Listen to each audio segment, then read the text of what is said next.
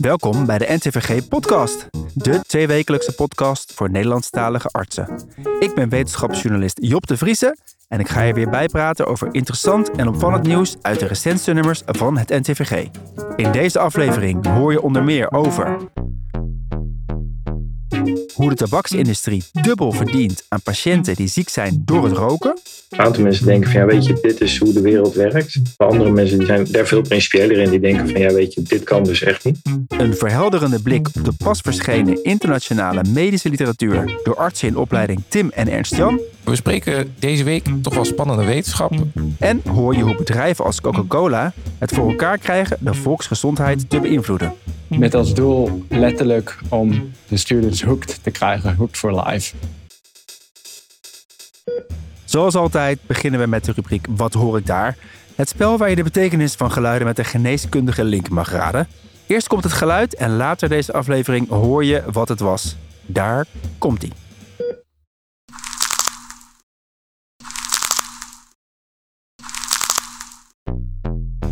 Nou, laat het maar even bezinken. Gaan wij ondertussen door met het eerste interview van Anne.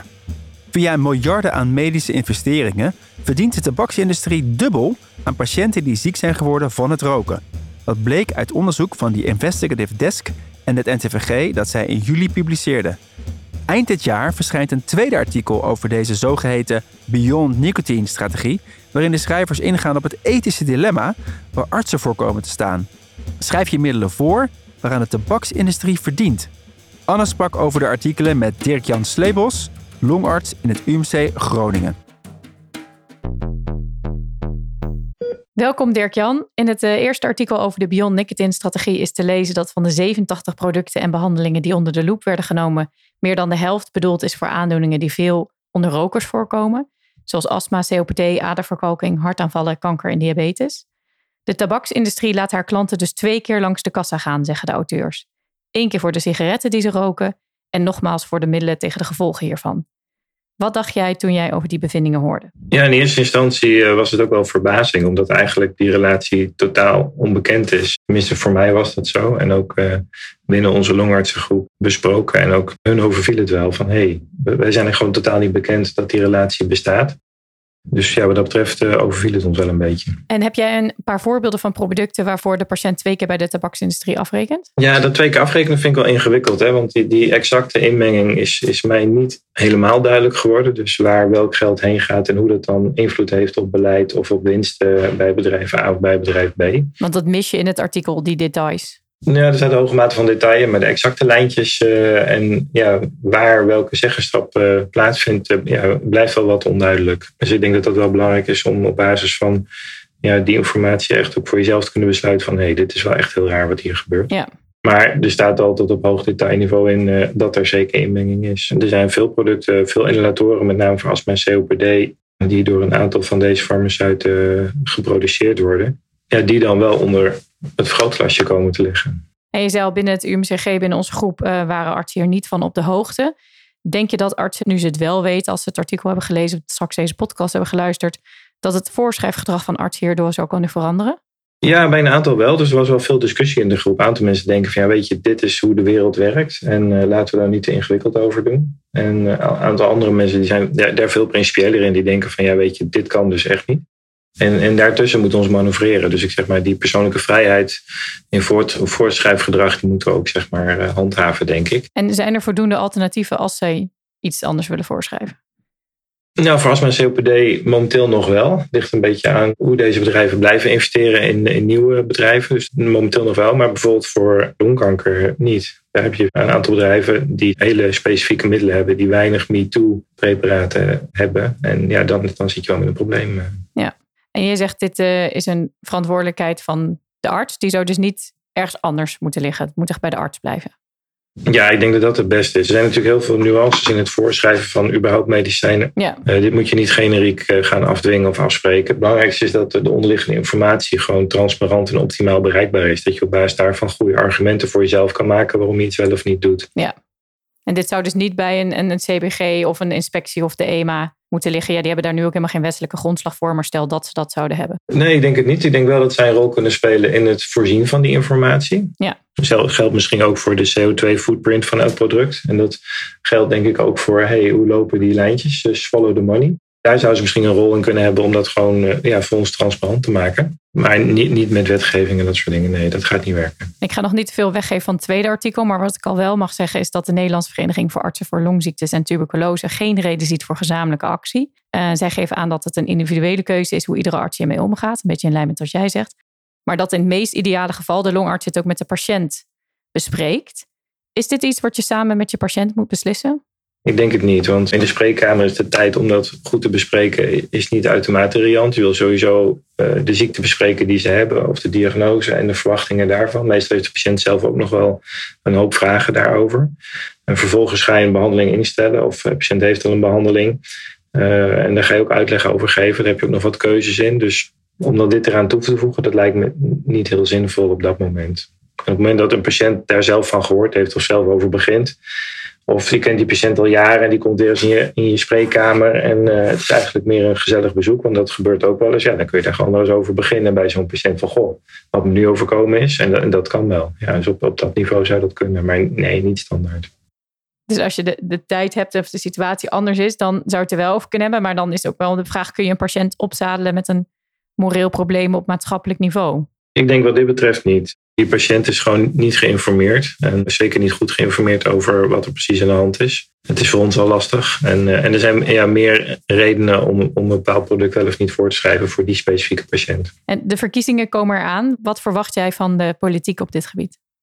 Nou, dit specifieke gebied uh, eigenlijk uh, niet heel veel. Maar ik verwacht uh, wel van eigenlijk alle partijen een hele duidelijke anti-rookparagraaf in hun verkiezingsprogramma's. Van wat gaan we er in Nederland aan doen om roken minder aantrekkelijk te maken. Uh, verbod op reclame, verbod op reclame in social media, verbod op vapen, verbod op het openen van nieuwe rookwinkels, sigaretten duurder maken. Op die manier. En uh, ja, dat, uh, ik zie dat nog niet heel gauw gebeuren. Helder, dankjewel. Ja, ook bedankt. Dankjewel Anne en Dirk-Jan, mooi spitwerk. Het eerste artikel van de Investigative Desk en de NTVG vind je uiteraard op de website onder podcast. En het tweede artikel zal verschijnen op 6 december. Reageren mag zoals altijd weer via podcast.ntvg.nl.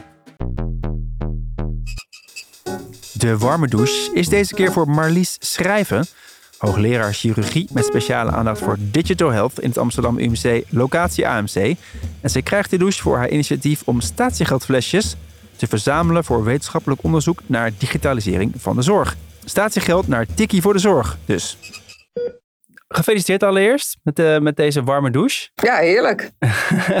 Zou je even kunnen uitleggen, hoe werkt het nou eigenlijk? Wat houdt het initiatief in? Nou, het initiatief houdt in dat als je in Amsterdam UMC op locatie AMC bent, je haalt bij de supermarkt daar een flesje of een blikje, of je hebt ze van thuis meegenomen of iemand anders heeft voor jou meegenomen en je wil dat niet weer zelf meer mee naar huis nemen, dat je dat kan doneren aan Tikkie voor de Zorg en hele grote containers die we daarvoor hebben staan. Heel vaak wordt een enkel flesje gewoon weggegooid. En um, nou ja, dat is zonde, want uh, alle beetjes helpen ook in de zorg. Ja, en het komt ook nog een keer de zorg ten goede. Het is maar een druppeltje hoor. Het is nou ook niet hele grote bedragen. Maar ik mag het gebruiken om initiatieven die innovatie in de zorg ondersteunen of onderzoeken te supporten. En uh, ja, dat is natuurlijk hartstikke mooi. Begrijp ik het goed dat dat dan is een beetje extra geld wat nodig kan zijn net om een bepaald onderzoek nog even voor te zetten?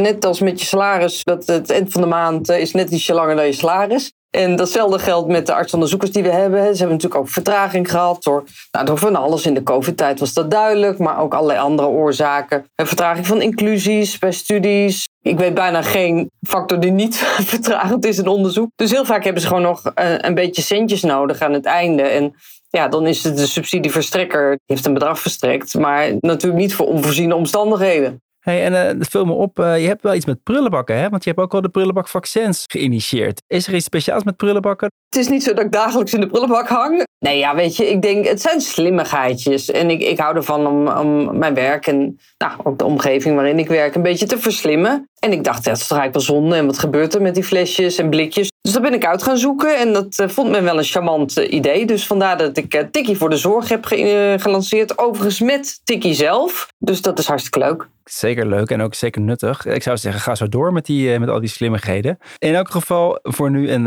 een welverdiende warme douche. Dankjewel. We gaan door naar de vaste waardes van deze podcast.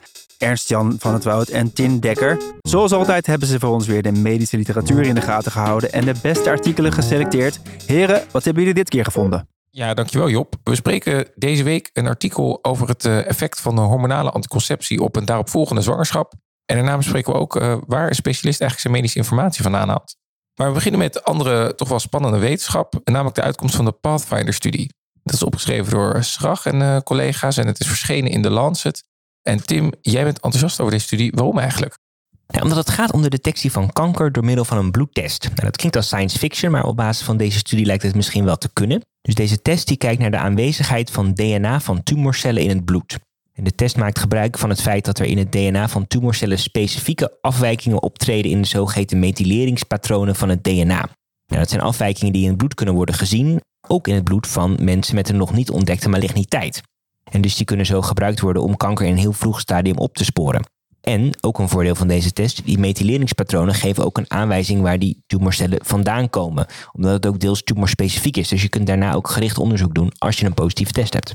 Klinkt spannend, maar ja, zo'n test kan natuurlijk ook wel tot een hoop eh, onrust eh, leiden. Als daaruit blijkt dat er mogelijk sprake is van kanker, wat dan uiteindelijk niet zo blijkt te zijn. En dan krijg je daar misschien ook nog wel bepaalde onderzoeken voor. Dus wat was de, de opbrengst van, uh, van deze test in deze studie? Ja, dus in deze studie zaten meer dan 6000 deelnemers. Uh, en van die deelnemers hadden 92 een positief testresultaat. Dat was 1,4% van de totale studiepopulatie.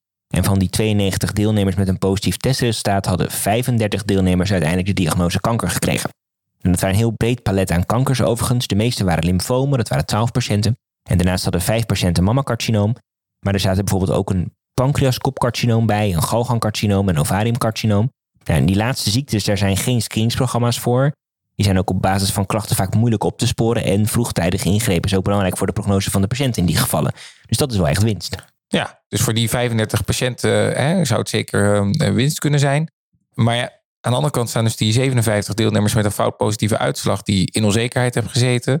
En die mogelijk ook dus uh, onterecht enkele testen hebben gehad. Wat zegt de studie over die resultaten? Ja, wat jij ook zegt inderdaad, dat klopt. Uh, bij die patiënt is ook genoteerd in de studie wat de zogeheten tijd tot diagnostic resolution was. Met andere woorden, hoe lang heeft het geduurd totdat uiteindelijk is geconcludeerd dat er uh, geen sprake was van kanker bij die patiënten met een fout positieve test. De mediane tijd tot die diagnostic resolution was 162 dagen, met ook wel een paar uitschieters dan van meer dan 300 dagen. Nou, dat is toch een lange tijd om in onzekerheid uh, te zitten. En van die mensen met een fout positieve uitslag kreeg 93% iets van beeldvormende onderzoeken. 30% kreeg iets van een ingreep en één patiënt onderging een chirurgische ingreep op basis van die fout positieve test. En dat was een orchidectomie overigens die ten onrechte was verricht, dus dat is toch wel vervelend. Ja, dat is zeker wel een nadeel van de, van de test. Ja, en een ander nadeel vond ik toch ook wel de sensitiviteit, want die vond ik wel wat tegenvallen. Toch een aantal mensen die negatief testen en later toch kanker bleken te, te hebben. Ja, zeker. Dus de, de sensitiviteit werd bepaald in deze studie door te kijken naar hoeveel patiënten in het eerste jaar na deelname aan het onderzoek alsnog werden gediagnosticeerd met kanker. En dat gebeurde in 121 patiënten. De screeningstest was maar positief in 29% van die patiënten. Dus ja, de sensitiviteit valt wel wat tegen. Dus je kan niet zeggen, oh die test was negatief, dus ik heb geen kanker. Want dat kan dus helaas nog steeds. Nee, lijkt dan negatief. Terwijl het staat natuurlijk eh, buiten kijf dat dit een heel vrij staaltje wetenschap is. Maar deze studie laat ons denk ik zien wat de mogelijkheden zijn. Maar toch ook nog wel wat vragen onbeantwoord. En ook welke rol dit nou in de klinische praktijk gaat spelen. Ja, dat ben ik heel met je eens. Hè, want die studie zegt inderdaad niks over het effect op mortaliteit, kosteneffectiviteit of kwaliteit van leven. Dus daar moet echt meer onderzoek naar volgen. Ik las wel over de Pathfinder 2-studie, de opvolger van deze studie. En die gaat in ieder geval ook kijken naar kwaliteit van leven en andere patiëntgerelateerde uitkomsten. Dus dat is goed nieuws. Ja, en daarnaast wordt ook naar de kwaliteit van de test uh, gekeken. Ook in de huidige publicatie wordt ook al de zogeheten refined test besproken. En dat is een, uh, dezelfde test, maar dan met een iets betere specificiteit. Dat geeft uh, hoop voor de toekomst, maar al met al denk ik nog wel een hoop werk aan de winkel voordat we dit ook echt daadwerkelijk in de kliniek gaan zien. Dan gaan we door met het effect van orale hormonale anticonceptie op de zwangerschap. Nou, u hoort het goed, die twee uh, zaken zijn natuurlijk zoveel mogelijk in tegenspraak met elkaar. Maar het komt natuurlijk af en toe voor dat iemand kort na het staken van de anticonceptiepil zwanger raakt. Nou, deze Nederlandse studie van Schreuder en collega's, gepubliceerd in de International Journal of Epidemiology, bespreekt wat daar de gevolgen van zijn. En Erzan, wat heb je daarvan geleerd? Ja, dat er dus echt een klein, maar wel een statistisch significant effect van de orale anticonceptie op de zwangerschap is. En de auteurs die keken in deze studie naar ruim 6400 zwangerschappen. En er werd een vergelijking gemaakt tussen de vrouwen die in het jaar voor de zwangerschap nog wel de anticonceptiepil gebruikten, vergeleken met vrouwen die dat niet hadden gedaan. En wat bleek, recent gebruik van de anticonceptiepil voor de zwangerschap was geassocieerd met een hoger risico op preeclampsie, vroeggeboorte en ook een laag geboortegewicht.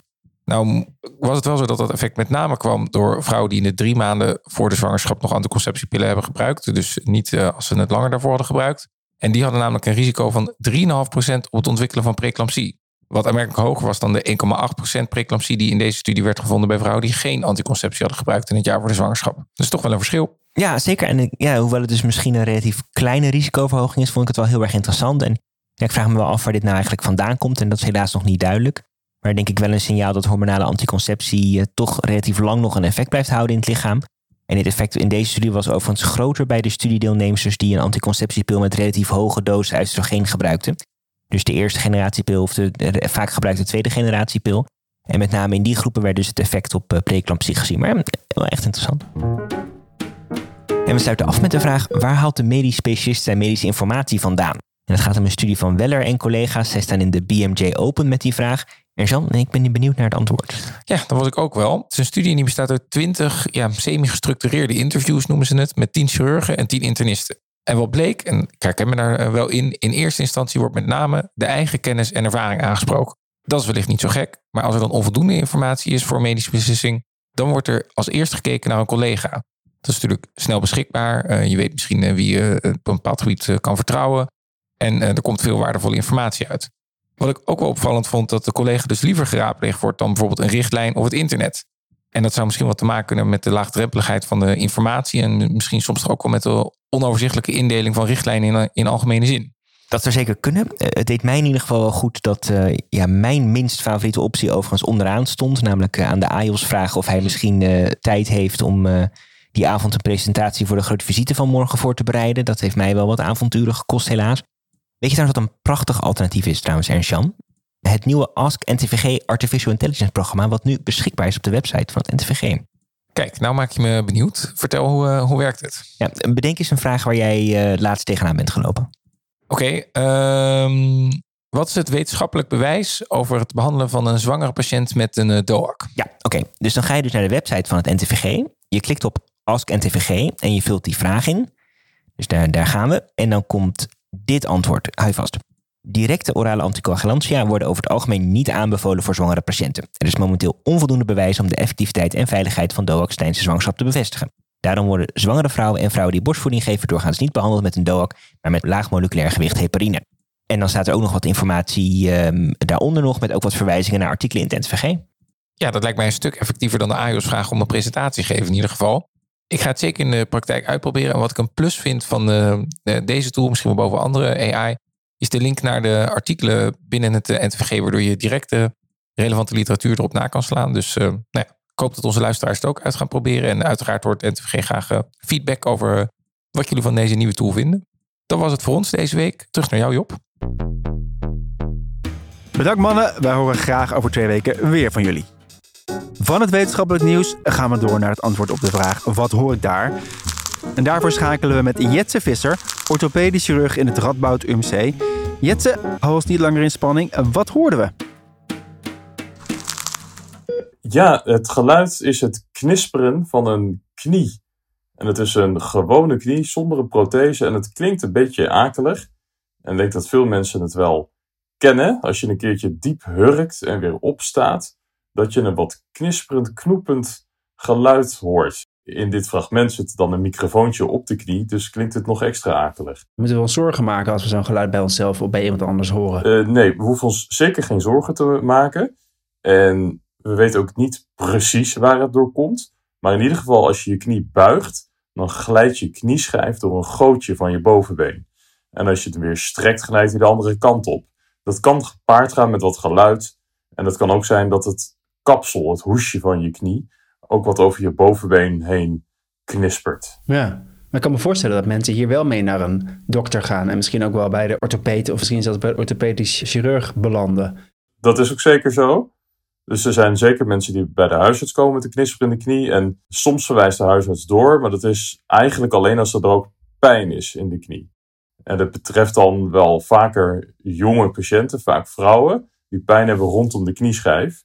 En die knie die knispert dan ook. Het knisperen is het probleem niet, want er zijn ook een heleboel knieën die geen klachten geven, die wel knisperen. Maar de pijn is wel iets om verder uit te zoeken. Misschien naar een anatomische afwijking rondom de knieschijf. Ja, ja. Maar ik kan me het voorstellen dat mensen, als ze ook nog dat knisper erbij hebben, dat er een extra reden is om naar de dokter te gaan. Dan is het wel terecht dat ze gingen, maar niet vanwege de knisper. Precies. Het, het, het knisperen is wat uh, een raar geluid, maar geen reden tot zorgen. Ja, het is ook wel eens een keer fijn om in deze rubriek eens een keer iets geruststellends te hebben. Zo is het. Ja, dankjewel. En uh, wie weet tot de volgende keer weer. Oké, okay, bedankt. Ook een mooi geluid in gedachten voor deze NTVG-podcast. Stuur het naar podcast.ntvg.nl en wie weet spreken we jou binnenkort. De verkiezingen komen eraan en dus kunnen we wel wat politieke bespiegelingen gebruiken. Daarom sprak Anne met Luc Hagenaars van het Amsterdam UMC. Zijn onderzoek richt zich op de commerciële determinanten van gezondheid. Met andere woorden, hij kijkt bijvoorbeeld hoe bedrijven als Coca-Cola het voor elkaar krijgen de volksgezondheid te beïnvloeden. Welkom Luc, je bent uh, momenteel in de VS, waar je ook een jaar onderzoek deed naar het obesitasbeleid. En terwijl je daar zat, schreef je een serie Supersize blogs voor de NTVG-website. Voor wie de blogs nog niet kent, waar gaan die over? Die blogs gaan eigenlijk over de observaties die ik deed in mijn tijd in de VS. Ik zat aan uh, de University of California in San Francisco, waar ik met een uh, aantal collega's onderzoek deed naar een aantal specifieke vormen waarin uh, industrieën met een belang in de oorzaken van overgewicht en obesitas zich eigenlijk hebben weten te vermengen met de Amerikaanse samenleving. En heb je een voorbeeld van wat voorbij komt in je blogs? Eentje waar ik ook wel veel reacties op kreeg van mensen dat ze denken van jeetje, dat gaat wel diep zeg. Uh, dat is eentje die ging over mais-subsidies en vooral de politieke economie daarachter. Mais-subsidies zijn belangrijk in het kader van obesitas, omdat van mais high fructose corn syrup wordt gemaakt. Dat is een goedje waar heel veel fructose in zit, wat uh, niet bepaald goed is voor je lever. Maar wat in heel veel voedingsproducten is terechtgekomen. Van brood tot jam, tot uh, snoep, tot frisdrank, uh, tot sauzen. Je kunt ze gek niet bedenken. Omdat in het uh, Midwesten dat veel voorradig was. En het Midwesten relatief politiek machtig is. Omdat dat dunbevolkte staten zijn. Waarin het systeem met Amerikaanse kiesmannen. En het feit dat ze in elke staat twee senatoren hebben. Het voor politici bijzonder onaantrekkelijk is om niet te investeren in de maisproductie. Ja, interessant. En, en wat waren de bevindingen die je hebt bewaard voor je, je papers? Ja, ik heb één paper geschreven. Dat is een meer institutionele analyse. Waarom het nou eigenlijk niet lukt om eh, een stap verder te komen met obesitasbeleid. Wat het allemaal samenhangt met het feit dat we het zijn gaan zien als een individueel probleem in plaats van als een publiek probleem. En dat komt voor een heel groot deel doordat de uh, voedingsindustrie en de weight loss industrie nu ook steeds meer dat ook heel sterk framen als een individueel probleem, hè, waarbij het alleen maar gaat om uh, nou ja, vraatzucht en luiheid. De case studies die ik heb gedaan, eentje, dat is denk ik wel de grootste paper uh, geworden, die ging om de zogenaamde pouring rights contracts van Coca-Cola of Pepsi met Amerikaanse universiteiten. En dat zijn eigenlijk ja, schenkrechtcontracten die die bedrijven een lokale monopolie geven op de marketing en de verkoop van hun producten op de campus. Met als doel letterlijk om de students hooked te krijgen, hooked for life. En wat ook wel aardig was aan die studie is dat we eigenlijk verwachten van nou daar zal een heel systeem van financiële prikkels op zijn, waardoor die contracten al decennia lang bestaan. En dat was ook zeker het geval. Maar het ging eigenlijk om best wel weinig geld. En wat ik eigenlijk vond in mijn interviews met de mensen die die contracten opstelden, is dat het soort van prestige-element om met Coke of Pepsi een partnership aan te gaan uh, misschien wel veel belangrijker was. Interessant. En bestaan dat soort schenkrechtcontracten ook in Nederland, denk je? In mijn laatste blog had ik ook een oproepje ingezet dat mensen zich bij me konden melden om dit soort constructies in Nederland te delen. En dat doe ik bij deze nog een keer. En een vrij overweldigend antwoord wat ik kreeg is dat uh, Nederlandse studentenverenigingen dit soort contracten hebben met uh, bierproducenten.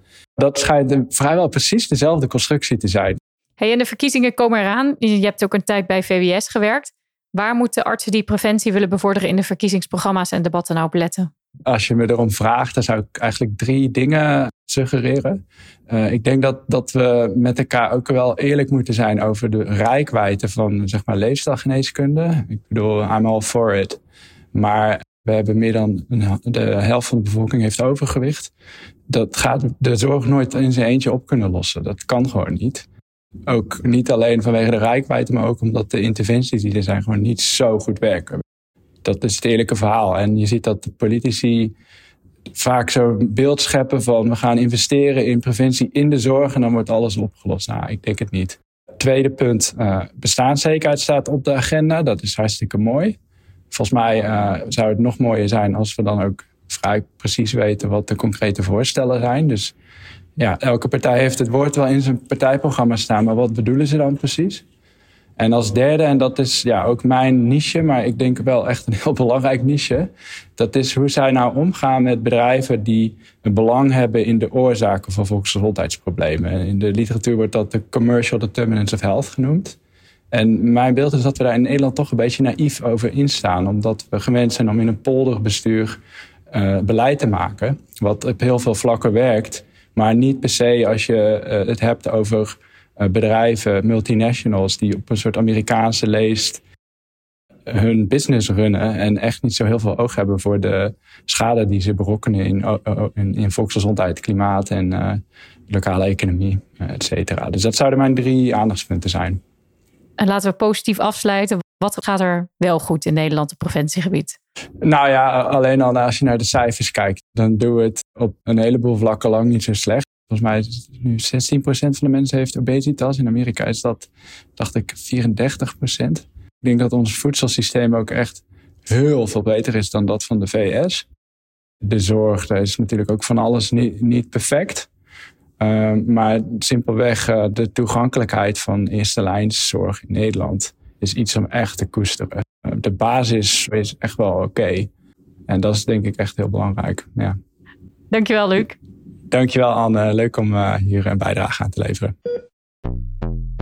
Dankjewel, Anne en Luc. De Supersize blogs van Hagenaars zijn te vinden op ntvg.nl onder podcast. Mocht je behoefte hebben om te reageren, dat kan zoals altijd via podcast.ntvg.nl. Op naar het laatste onderdeel van de show, de tip van de redactie. En daarvoor zit hier weer Rosie Sikkel, basisarts en nieuwsredacteur van het NTVG. Welkom Rosie. Wat heb je deze keer weer meegebracht? Ik heb deze keer een analyse van mijn collega Lorette Harbers meegenomen over de leefstijlapotheker. Ja, leefstijlapotheker, dat klinkt wel levendig. Wat, wat, houdt het in? Ja, er zijn uh, inmiddels 280 leefstijlapothekers in uh, Nederland. En dat zijn apothekers die in hun apotheek leefstijladvies geven aan wie daar ook maar interesse in heeft. Mm -hmm. En dat zijn apothekers die een zesdaagse cursus hebben gedaan. Komt eigenlijk allemaal vanuit het initiatief van één gemotiveerde apotheker die daar een beetje zijn levenswerk van heeft gemaakt. Mm -hmm. En deze analyse onderzoekt mijn collega Lorette. Wat houdt die opleiding nou precies in? Uh, wat doen die leefstijlapothekers? En hoe kijkt de rest van de medische wereld daar eigenlijk naar? Ja, aan de ene kant denk je, nou wat goed dat ook apothekers dit nu op hun vizier hebben. We willen allemaal meer aan leefstijl doen, aan uh, preventie. Mm -hmm. Maar het verhaal is wel wat genuanceerder. Ja, iedereen wil wat aan preventie doen. We hebben de GLI gehad, we hebben het preventieconsult van de huisartsen gehad. En toch is dan vaak de conclusie van, nou, het lukt gewoon niet echt. Het is dan toch moeilijk om mensen gemotiveerd te houden. En uiteindelijk zijn de resultaten toch altijd een beetje teleurstellend. En nu heb je dan weer dit initiatief waar ook een klein beetje een soort commercieel sausje overheen zit. En het is dus niet een geaccrediteerde opleiding. Daarnaast zijn er veel artsen die hebben dan kritiek op wat levert het nou eigenlijk op en in welke mate is het misschien toch schadelijk. Wat voor zorg komt er dan uiteindelijk weer extra bij de huisartsen terecht? Maak je mensen niet onbedoeld ongerust? Toch een beetje sceptisch uh, vanuit die hoek. Moeten we dit nou wel willen? Ja. Is het niet ook een beetje zo van, oh, denk vooral niet dat je het beter weet dan wij? Is het er niet ook een beetje doorheen? Zou toch denken van, jongens, verenigde krachten samen allemaal die missie verder brengen? Ja, je hoeft natuurlijk niet direct apothekers uit te sluiten van preventie. Er zijn ook wel genoeg artsen die zeggen van nou, op gebied van medicatie is dat ook meer dan welkom. Maar er zijn dus genoeg ook mensen die blijven toch sceptisch, ook gezien eerder onderzoek naar dit soort initiatieven. Is het dus voor sommige mensen dus toch wel een klein beetje vermoeiend dat er dan weer een nieuw iemand komt. Moet je dat willen? Ja, dat is voor uh, ieder zelf om daar een uh, oordeel over te vellen. Ja, in ieder geval een interessant fenomeen om nog even verder over te lezen. Ja, zeker. Dankjewel. Graag gedaan. Dit en nog veel meer moois vind je op onze website en in het blad. En hiermee zijn we aan het einde gekomen van deze aflevering. Over twee weken hoor je ons weer en praat mijn collega Anne van Kessel je weer bij over het laatste medische nieuws. Heb je een vraag of een suggestie voor een van onze rubrieken? Laat het ons weten via podcast.ntvg.nl. Waardeer je onze podcast? Stuur ons dan door naar die ene collega waarvan je zeker weet dat hij of zij ons ook kan waarderen. En laat vooral ook een review achter door een aantal sterren te geven. Zo help je ons om niet alleen de beste, maar ook de best beluisterde medische podcast van Nederland te worden. Voor nu een heel fijne dag gewenst en tot de volgende aflevering. En onthoud, een goede arts is een goede luisteraar, dus blijf luisteren.